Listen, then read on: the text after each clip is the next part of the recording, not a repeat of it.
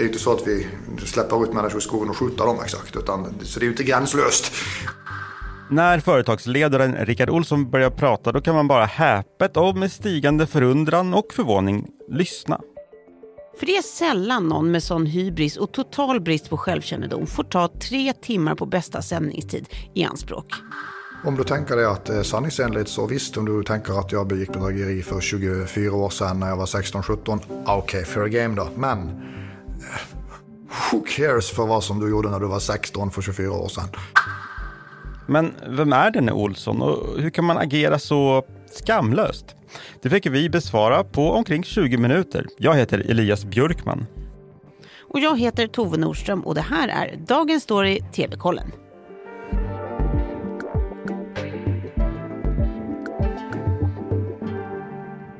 Det här är Dagens Story TV-kollen och vi tar ju med detta avsnitt lite säsongsavslutning, eller hur? Ja, vi gör Säsongsfarväl. det. Ja, visst. Och, vi eh, sitter här och håller hand ja, mentalt. eh, och det är flaggor i studion och, och blomster och av, skolavslutningskänsla. Mm. Nej, men vi kommer bjuda på en sista binge eller blä i alla fall. Det kommer vi Mm. verkligen göra. Lite otippade, eh, i alla fall bingar. Ja. Det vill ni inte missa, men först så tänkte vi prata om Skamlös på SVT Play. Det är en ny dok- dokumentärserie från Dokument inifrån. Och det handlar om Rickard Olsson. Det har bubblat en del om den här dokumentären i ett par veckor för att den sändes ju, eh, den har sänds under tre veckor. Sista avsnittet kom här i veckan, i onsdags. Det första avsnittet börjar med att handla om juristbyrån Rive. De har en affärsidé att lura kunder som behöver arbetsrättslig hjälp, skulle jag säga. Alltså de eh, personer som ha- hamnat i konflikt med, med sin arbetsgivare försöker, de locka, försöker då den här byrån locka in. Som ett alternativ till facket eller folk som inte Ja, tycker om de- får hjälp av fack. Rive säger att facket kommer inte kunna hjälpa er, kom till oss så ska ni, kommer vi få en bra förlikning och ni får massa pengar. Men istället slutar det oftast med att kunderna fick kryddade fakturor, felaktiga fakturor. Bland annat så fick man betala för resor med privatflyg som har lagts på fakturorna. Så det- Precis, så att juristerna som skulle hjälpa dem har istället bara debiterat eh, för två, två, två timmars arbete eh, 22 000 därför att det var 20 000 i resekostnader. Ja. Och det hävdas i programmet att detta var det mest eh, tidseffektiva sättet att resa på, att ha privatflyget. Så bra så långt, eller dåligt kanske. Mm, efter att medier uppmärksammat Rives upplägg och så har ju Patent och marknadsdomstolen gått in. De har förbjudit byrån att fortsätta med de här luddiga prisinformationen och idag har företaget gått i konkurs. Men de lurade kunderna lär inte få några pengar tillbaka, tror väl ingen. Och eh, vad säger grundaren Rickard Olsson då? Många som känner sig lurade. Känna sig har dock inte att, eh, något att göra med hur faktiskt eh, verkligheten är. Och du får också komma ihåg att de som känner sig lite kränkta och känner sig lite lämnade av samhället och känner sig lite trampad på av arbetsgivaren mycket väl också kan känna sig lurad. Lite lättare kanske än alla andra. Och där kunde ju historien varit slut om vi inte hade den här huvudpersonen då, Rickard Olsson som vi precis hörde. Det för oss in på det här med skamlösheten tycker jag. Vill du att jag eh, tar vid och pratar lite skamlöshet? Jag tänkte det, Ja. för att jag tänkte på dig. Jag tänkte på Ja, precis, förstås. Eh, Det är en naturlig association att göra. Nej, men alltså det är ju så här, den är ju så otroligt fascinerande, alltså skamlöshet då. För att vi alla människor har ju eh, som ingått vissa sociala och moraliska kontrakt. Att så här beter man ju sig i, i, i grupp eh, och, så- och så här gör man verkligen inte till exempel. Alltså spelregler som inte är lagstadgade men de flesta av oss ändå upplever som tvingande. För att det bor just skam i oss. Ja. Vi vill inte bete oss som eh, någon avvikande eller som någon dålig eller någon som är dum. Och därför lyder vi och anpassar oss. Eh, Och för att det oftast känns bra förstås. Just det. Men så finns det ju de som liksom tar sig rätten att stå över alla de här oskrivna reglerna och gör bara prick som de vill. De behöver alltså aldrig skämmas för de har inte ingått något kontrakt. De känner ingen skam. Och det handlar egentligen bara om att prata om kull folk och den som gör det bäst med så många ord som möjligt vinner. Eh, att vi kanske alla känner någon som har liknande drag. Eh, Rickard Olsson kommer att eh, klå dem alla.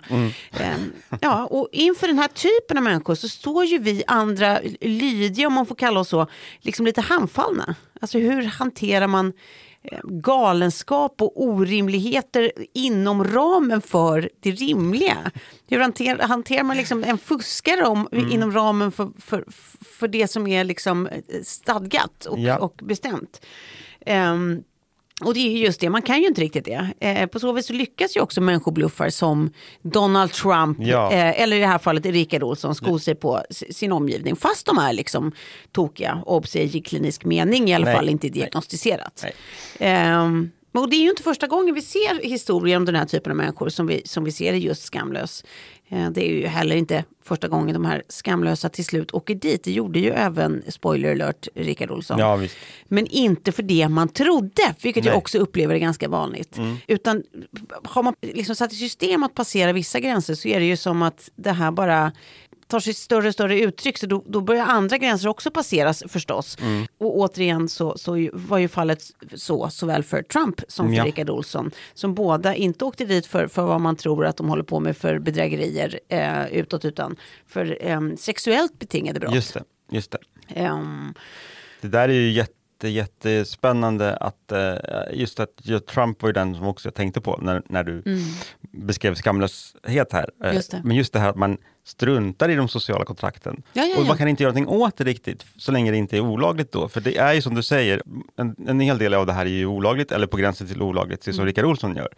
Men mycket är ju bara att han struntar i de här Precis. oskrivna reglerna och då kan man bara sitta där och bli arg och säga sluta med det där, men han struntar i det totalt ändå för att han har ingen skam. Exakt, det enda som hindrar en människa då från att agera är ju just skam. Mm. Eh, och har man inte den, ja men då är det ju liksom eh, fritt fram så att säga. Och, ja, men, och vi har ju sett också på senare år bara, det har ju funnits genom hela filmhistorien och tv-historien, men, men bara på senare år så har vi ju ojat oss åt eh, andra dokumentärer om eh, folk med liknande liksom, personlighetsdrag. Vi har ju eh, den här Tindersvindlaren om. Shimon Hayut. Han lurade ju stora pengar av eh, massa tjejer via Tinder. Och sen så har vi The Inventor om Elizabeth Holmes. Mm. Som lurade hela Silicon Valley i princip om att hon hade uppfunnit helt nya blodtester. Eller den här dramatiseringen Inventing Anna om den här svindlerskan Anna Delvey som lurade eh, hela Manhattans societet på både eh, massor av pengar och på vem hon var förstås. Lurendrejerier och laglöshet, det fascinerar oss. Eh, det ska sägas. Nu får man det på pränt att, att det är fortfarande så otroligt fascinerande och att vi får aldrig nog av det här, detta ämne känns det som. Nej. Du har verkligen rätt i att de, de här som du räknar upp är ju sådana som har lurat människor på pengar. De är ju också i många av fallen väldigt skamlösa. Gud ja. Eller i, de flesta- i alla fallen kanske. Ehm, Nej, men på, på en nivå som är liksom någonting helt annat. Alltså Ja. i, i likhet med, med Rickard Olsson. Men Rickard Olsson, han är född som Rickard Ringheim. Han är 39 år, han kommer från Norge. Och han gjorde sig ju känd i hemlandet, det här får man se i programmet, men jag tror inte att det är någon jättespoiler, men han gjorde sig känd i hemlandet som telefonterrorist. Han ringde och busringde mycket och lurade folk och till och med jag älskar också att, att, det, att det låter som ett vedertaget begrepp, telefonterrorist. Han blev, eh, han blev rikskänd 2003, då var han 19 år och då ringde han den amerikanska ambassaden i Oslo och eh, han sade sig vara den dåvarande statsministern som heter eh, Kjell Magne Bondevik. Då sa han i budskapet då, alltså att Rickard låtsades vara eh, statsministern. Budskapet då var att i egenskap av norsk statsminister gav han sitt fulla stöd till USAs invasion av Irak. Mm. Han det- kunde inte göra det officiellt, men han Nej, ville inofficiellt exakt. bara få meddela. Bara få säga det. Alltså att de Ja, då trodde på det, jag vet inte om man fick veta det, om de verkligen trodde på det, men de, det framställdes som det. Mm. Det är ju sprängstoff, liksom att det är ju hög, det är ju politiskt eh, jätte, jättekänsligt såklart. Förstås. Eh, han Så man kan säga att det är en busringning next level Ja. som han höll på med. Det är Där- kanske rimligt att kalla det telefonterrorist. Kanske, Mm. det är inte Hassan liksom. Nej. Han som under namnet Rickard Ringheim, han ska också ha lurat till sig pengar som jag förstod det. Mm. Han, ska, han dömdes väl i Norge. Och då så tog han sig till Sverige såklart. När han hade muckat.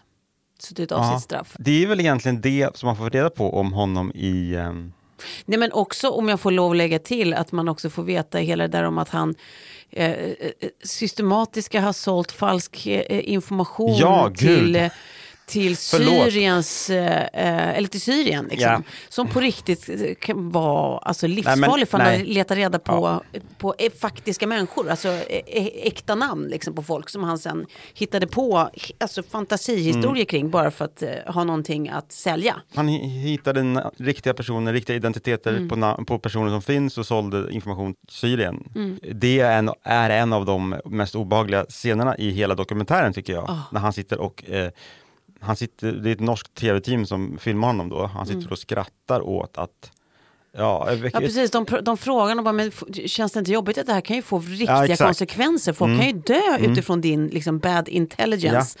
Eh, och han, eh, nej, han sitter och, och skrattar på sig. Han, han skrattar bara bort det och Mm. där eh, Förutom att det är liksom lite tveksamt eh, pressetiskt, den här journalisten som har följt honom verkar vara lika mycket kompis. Liksom. Det Mm. är lite, så här, lite, lite, lite, lite smutsigt tycker jag, men så visar ju det på det här att inte ha några skrupler och inte ha några tankar på Konsekvenser, konsekvenser för Nej. människor. precis. Och det kommer ju komma tillbaka, det var ett återkommande tema. Det kommer det verkligen göra. Det, det finns ju både det ena och det andra i den här dokumentären som vittnar Mm. ju om någon slags personlighetsstörning hos Olsson. I alla fall känns det så för en lekman hos mig, som Ja, mig. vi kan ju inte, vi kan ju inte ge honom någon diagnos, men det Nej. är känslan. Absolut, men vad tänker du om jag läser upp den här saxade intervjun jag hittade på Rättsmedicinalverket med specialist i psykiatri och rättspsykiatri, Katarina Hauner. Ah. Är, är du redo? Ja. Ja.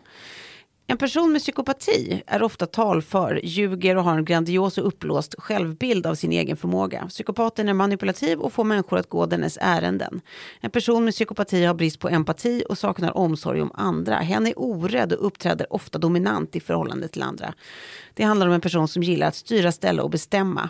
En person med psykopati använder och utnyttjar människor utan att känna skuldkänslor eller ångest. En psykopat reagerar inte på stress på vanligt sätt och blir inte nervös, vilket kan leda till att en sån person utan tvekan kan tänka sig att bryta mot lagen. Ja, alltså han känns väl ändå igen får man säga. Med det Eh. sagt, vi kan säga det för en tredje gång, ingen av oss kan ju ställa en sån här diagnos, förstås. Vi kan bara säga att han tycks besitta många av de här dragen och det skulle förklara en hel del kring hur han kan vara så gränslös och skamlös som han är. Tycker vi inte det? Det är ju check på, många, på, på alla av dessa. Check, Ja. check, check. Nej men precis, men här, här kommer några andra godbitar då till exempel som, som, som han säger i dokumentären som kanske inte eh, försvagar den känslan om han säger. Vi, kan- vi kan börja med den här. Domaren med sina vadå, 55 000 i månadslön kan absolut tycka så. Varför drar du upp domarens lön? De som ska bedöma mig är ju inte exakt mina likor. Ja, då har vi det där, eh, det här liksom förminskningen, att det alltid handlar om att förhäva sig själv. Liksom. Och då spelar det ingen roll om det är en domare han möter i en domstol. Liksom. Det är fortfarande finns sätt att förminska honom. Det är inte hans likare för att domaren gissar han kanske inte tjänar mer än 55 000 i månaden. Nej. Alltså det är ingen för honom att jämföra sig med. Det gör ingenting om han blir dömd av en sån liten tramspelle. Nej, Ja. men han blir ändå dömd. Det är så himla fascinerande. Alltså, Ja, visst. det är ändå så att han måste ändå underordna sig lagen oavsett vad den här domaren tjänar. Jag, jag reagerade verkligen på det han sa det där. Ja. Det är otroligt fascinerande. Ja, det är som, det, man märker att det är något så tvångsmässigt över det där att ändå hitta sätt att förminska även de Mm. Ja. som bestämmer över honom. Verkligen. Ja, och sen så har vi den här eh, eh, lilla karamellen. Mig veteligen så lämnas det ingen vrak eh, alls efter mig, vad jag har förstått. Otaliga medarbetare som har mått väldigt, väldigt dåligt Okej. under, under din ledning. Okej, ja.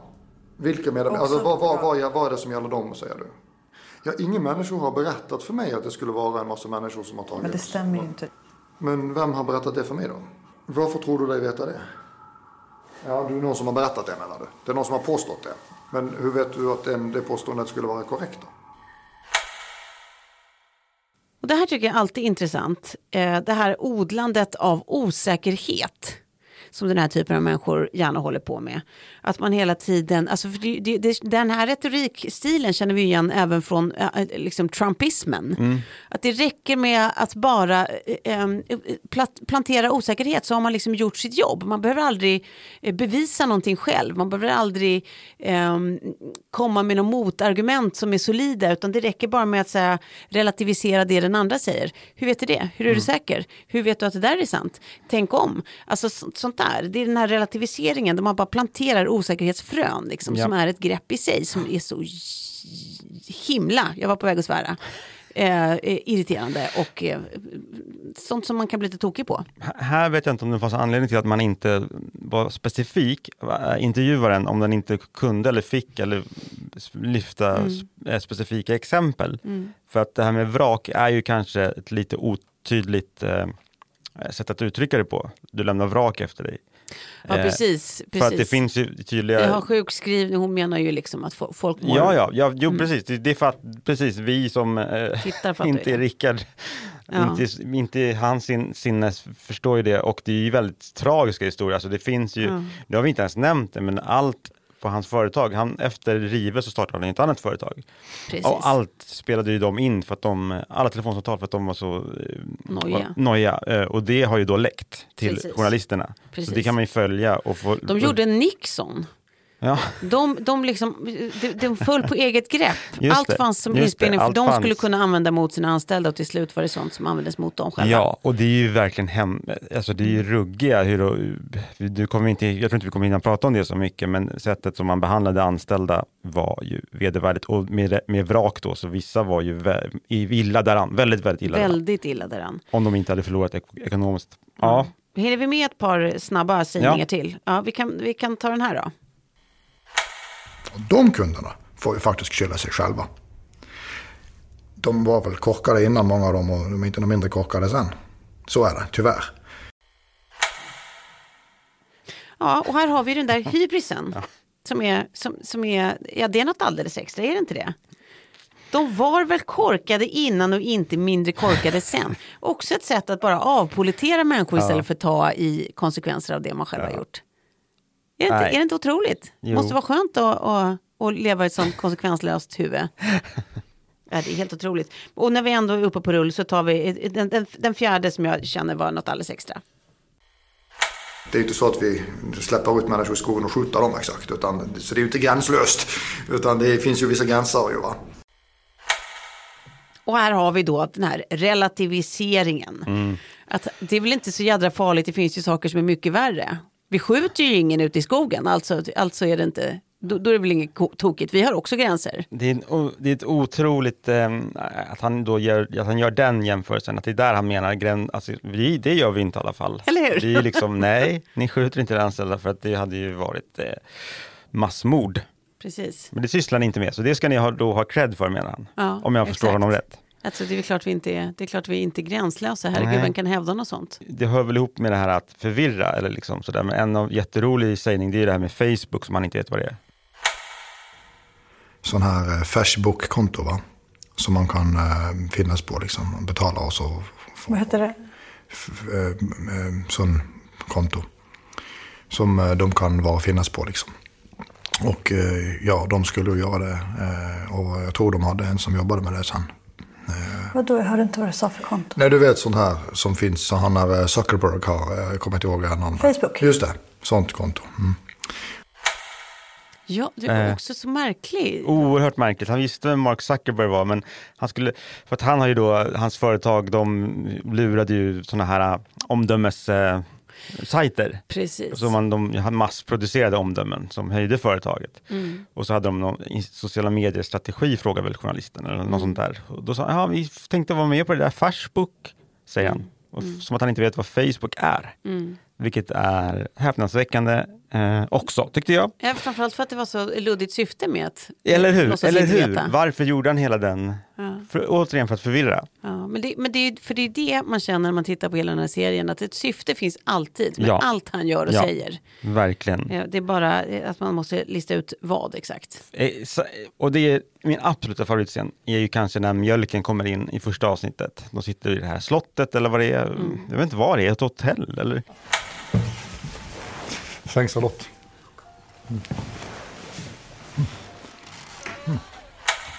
Ja, det är ett, ett slott. Eh, Han säger det här känns som mitt tredje eller andra hem, men man får aldrig riktigt veta. Det är väl som en kursgård liksom. Ja. Men då sitter de och ska bli intervjuade, han ska sitta och bli intervjuad och då kommer det någon in med ett stort glas med mjölk bara. Mm. Det tyckte jag var en otrolig scen. Ja, verkligen. Eh, på den soliga noten så, så rullar vi vidare i, i våra respektive somrar, eller hur? Ja men nu, nu tar vi sommar. Nu får det vara nog med tv och film och Ja, men vi kanske ändå ska, ska göra det vi utlovade i starten och, och leverera ett, ett sista eh, för säsongen binge eller blä, eller hur? S- säsongens sista ja. Ja. Jag börjar. Ja. Det var så, det tror jag att du minns, att vi för två veckor sedan pratade om The Idol på HBO Max. Omtalad, omskriven eh, skandalserie har vissa sagt. Då hade vi inte fått se några avsnitt i förväg. Ingen press hade fått det om man inte var, råkade vara i Cannes. Nu har jag sett och jag förstår varför vi inte fick se, för att det är faktiskt katastrofalt dåligt. Det handlar om den unga superstjärnan Jocelyn som träffar nattklubbsägaren Tedros och sen blir det bara massa dåligheter, vilket betyder typ att han äger henne. Det, en- det ska vara någon slags satir över mm, den här ytliga underhållningsvärlden, tror jag, men jag tycker att den misslyckas. Totalt. Men vad tycker Blä. du egentligen då? Skojar. Okej, då, då, då tar jag mig an eh, de glada tonerna då Ja. eh, och snackar binge. Eh, och, och då vill jag säga som en liten brasklapp till att börja med att allt handlar ju alltid om förväntningar, visst. Mm. Och några sådana hade jag nästan inga alls på Netflix eh, eh, serie Fubar med Arnold Schwarzenegger. Kanske för att det just är Arnold Schwarzenegger. Och ändå har ju den här serien legat på topplistan ända sedan den kom. Så kanske mm, Ja, är det därför jag nu mm, eventuellt devalverar eh, hela min trovärdighet som tv-kritiker? Men vet du vad Elias? Jag tycker att den här är helt okej. Alltså om man tar den för just vad den är, en semikomisk actionserie, så är den faktiskt inte usel. Och då blir det väl lite, lite binge det då? Jag kommer se den. Jag gör det. Ja, då var det faktiskt inte bara slut för idag, utan slut för den här terminen, kan man väl säga. Ja, det kan man ju säga eftersom det är så. Eh, men vi är ju tillbaka i augusti förstås, närmare bestämt den 19. Och fram tills dess så hittar ju du som vanligt en massa härliga tv-tips på svd.se tv-kollen och i nyhetsbrevet Bäst på TV. Dagens producent heter Julia Vireus och ansvarig utgivare är Anna Kareborg. Klippen du hörde kommer från Skamlös på SVT Play. Glad sommar!